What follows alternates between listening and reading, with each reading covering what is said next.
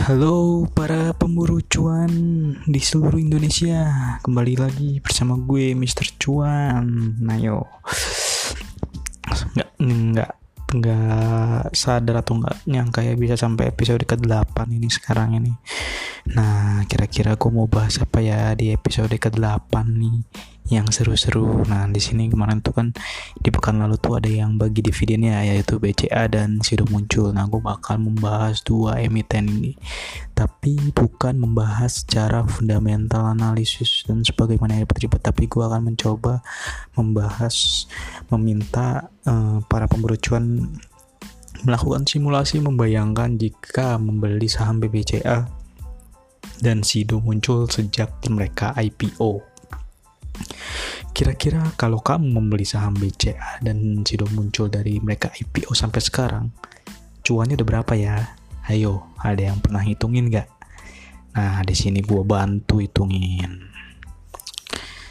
Pertama kita mulai dari BCA. Oh ya, sebelum itu kenapa sih kok gue memilih BCA dan Sido muncul? Jadi gini, uh, saham BCA ini terbilang cukup mahal jika dibandingkan dengan saham-saham bank buku 4 lainnya seperti Bank Mandiri, Bank BNI, dan Bank BRI. Ini buku 4 yang gue nilai existing karena hmm, modal inti udah jauh banget dari 30 triliun, udah seratusan triliun lah kalau yang uh, para buku 4 newbie kan kayak Bang Niaga, Bang Panin masih ya masih cere lah.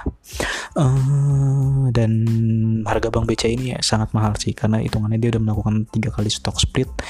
Hmm, semua stock split itu satu banding dua, satu banding dua, satu banding dua. Jadi hmm, kalau dihitung-hitung tuh harganya udah mahal banget nih kalau misalnya dia nggak apa namanya nggak hmm, apa namanya nggak stock split. Misalkan harga sekarang udah 27 ribu. Misalkan dia nggak stock stock split berarti uh, harganya itu sekitar 200an ribu per saham. Gila nggak? Mahal nggak? Mahal banget kan gitu. Lalu di tengah kondisi pandemi pandemi seperti ini sebenarnya saham bank adalah yang paling beresiko. Kenapa? Karena mereka berpotensi menerima uh, kenaikan kredit bermasalah yang banyak toh ke debitur-debitur pun sedang mengalami banyak masalah terkait pendapatan. Nah, tapi kok jadi bahasan BBCA? Nah, BBCA ini adalah sebuah adalah bank swasta terbesar di Indonesia yang memiliki pencadangan cukup besar sehingga misalkan kita hitung-hitung kinerja keuangan kemungkinan kenaikan NPL-nya pun nggak akan terlalu besar gitu. Dan konon di BCA punya dana abadi lah yang aman katanya. Cenah karena dia tidak mau mengulang kegagalan di tahun 98 gitu. Lalu kedua kenapa gue pengen bahas Sido muncul? Nah, di tengah pandemi COVID-19 ini nama Sido muncul muncul muncul mencuat lah. Karena produk tolak anginnya gitu. Di kan untuk di tengah pandemi ini kita harus meningkat, meningkatkan imunitas. Sehingga konon konsumsi tolak angin meningkat Artinya jika konsumsi tolak angin meningkat berarti uh, secara kinerja ke depannya sudah muncul bisa mungkin bisa bertahan. Cuman kita nggak tahu kan kondisi pandemi kayak gini penuh dengan ketidakpastian juga gitu. Lalu apa yang bakal gue bahas dulu yang pertama? Gue bakal bahas pertama jika lu punya saham Sido muncul sejak dia IPO. Ayo, kapan sih Sido muncul IPO? Sido muncul itu IPO pada ta tahun 2013 kalau tidak salah ya pada tahun 2013 18 November 2013 sekitar November lah ya dan mulai mungkin listingnya di sekitar bulan Desember 2013 berapa harga penawarannya? Harga penawarannya itu 580 per saham. Nilai harga penawarannya itu harga yang median di antara kisaran yang dia prediksi mediannya median menuju ke bawah sih. Jadi awalnya uh, harga Sido harga saham Sido muncul diprediksi di sekitar 540 sampai 660 per saham. Cuman akhirnya dealnya di 580 per saham. Nah jika kalian para pemburu cuan membeli 1000 lembar saham atau setara 10 lot sekarang. Sido muncul saat IPO dan mendapatkannya. Berarti kalian mengeluarkan modal sekitar uh, eh, 580 ribu aja. Di tahun 2013 kalian cukup mengeluarkan 580 ribu untuk membeli 1000 saham uh, Sido muncul. Nah lalu kira-kira berapa untungnya sekarang? Secara capital gain atau keuntungan yang dihasilkan dari perubahan harga saham yang naik gitu kalian mendapatkan keuntungan sebesar aneh hitung dulu ya. Jadi agak lama. Pakai Excel kok cepat jadinya. Insya Allah insya Allah cepat.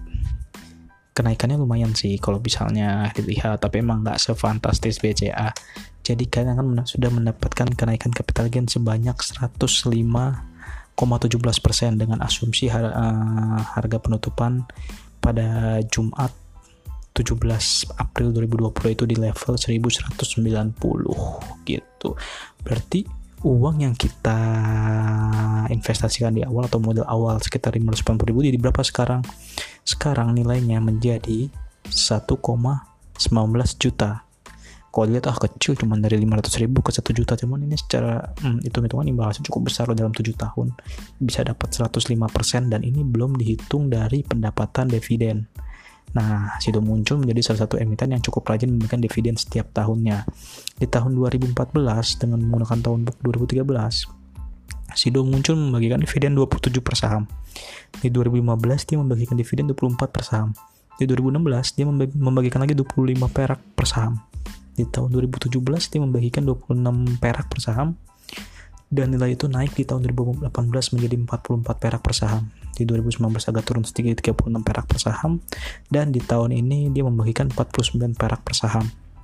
Secara total selama 7 tahun itu kalau kita hitung-hitung kita sudah mendapatkan pendapatan dividen dari pencapaian laba bersihnya sudah muncul tuh sekitar 231 ribu. Jadi kalau secara total nilai investasi kita saat ini di situ muncul sudah mencapai 130 1,39 juta. Atau sudah naik jadi 141,01 persen dibandingkan modal awal.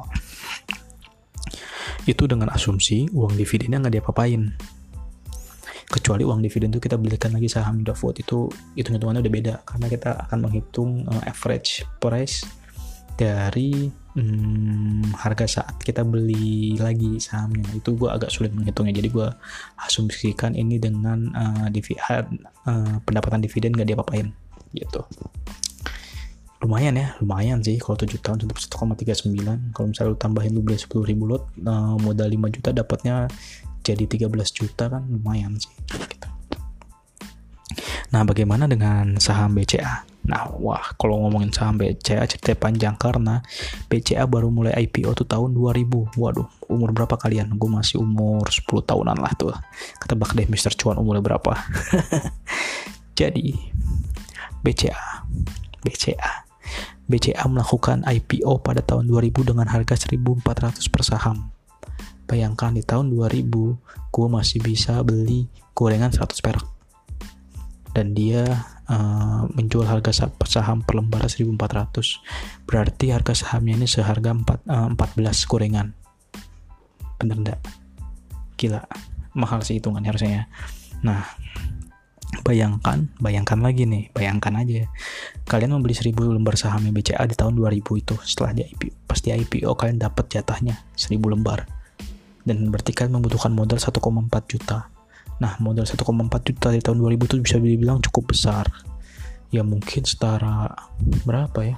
Nggak 14 juta juga, cuma setara, setara 5 jutaan lah ya. 5 juta, 6 juta lah kita. Nah, lalu bagaimana hasilnya setelah dua dekade menyimpan saham di BCA? Coba kita cek. Dengan harga penutupan di hari Jumat kemarin ya, di, di 17 April, uh, harga saham BCA ditutup di level 27.125 per saham. Nah, berarti keuntungan kalian dari uh, saham ini naik menjadi 217 juta atau tumbuh 15.400 persen. Gila. Dan ingat jumlah lembar saham kalian udah bertambah nih. Menjadi 8.000 Kenapa? Karena BCA melakukan tiga kali uh, tiga kali apa namanya stock split uh, dengan rasio satu banding dua masing-masingnya. Tapi kok masing-masing satu banding dua kok bukannya jadi 6.000 malah 8.000? Nah, kita akan lihat dulu. Stock split pertama terjadi per tahun 2004. Di tahun 2004 ini hmm, saham dengan rasio satu banding dua berarti saham kalian yang tadi 1000 lembar menjadi 2000 lembar saham. di 2005 BCA melakukan stock split lagi nah dari 2000 lembar saham ini di stock split 1 banding 2 menjadi 4000 saham. Kemudian yang ketiga di tahun 2008 4000 di stock split lagi menjadi 2 menjadi 8000 dan total yang kalian miliki saat ini adalah 8000 lembar saham. Sehingga kenaikan keuntungannya juga melejit sesuai juga dengan harga saham yang naik tinggi juga gitu jadi 200 juta bayangin modal 1,4 juta dapat 200 juta. Siapa yang gak pengen coba? Dan itu hanya pendapatan dari capital gain. Bagaimana dengan pendapatan dari dividennya kita cek di sini. Pendapatan dari dividen BCA bisa dibilang cukup uh, wah juga gitu. Karena bank BCA ini membagikan dividen dengan dengan angka yang lumayan sebenarnya walaupun ada yang bilang ah BCA dengan harga saham segitu kecilan tuh dividennya gitu. Ada yang bilang cuman kalau misalnya hitung-hitung juga dengan kinerjanya sih ya lumayan sih. Apalagi kalau misalnya di tahun ini BCA membagikan uh, eh, 555 rupiah per saham. Dengan akumulasi dari interim yang 100 per saham di bulan Desember 2019 kemarin kalau dikalkulasikan karena dia dia juga rut, salah satu emiten yang rutin bagi-bagi saham. Eh bagi-bagi saham bagi-bagi dividen. Dari tahun 2002 dia nggak pernah absen bagi dividen sampai tahun ini gitu.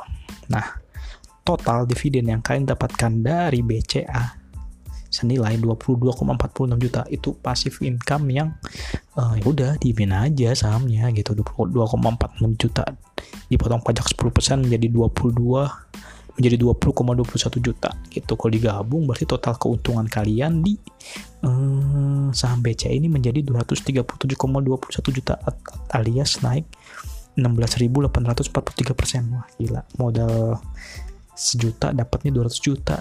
Tapi ya butuh waktu dua dekade. Nggak bisa lu punya sekarang. Besok langsung jadi 200 juta. Nunggu 20 tahun dulu cuy.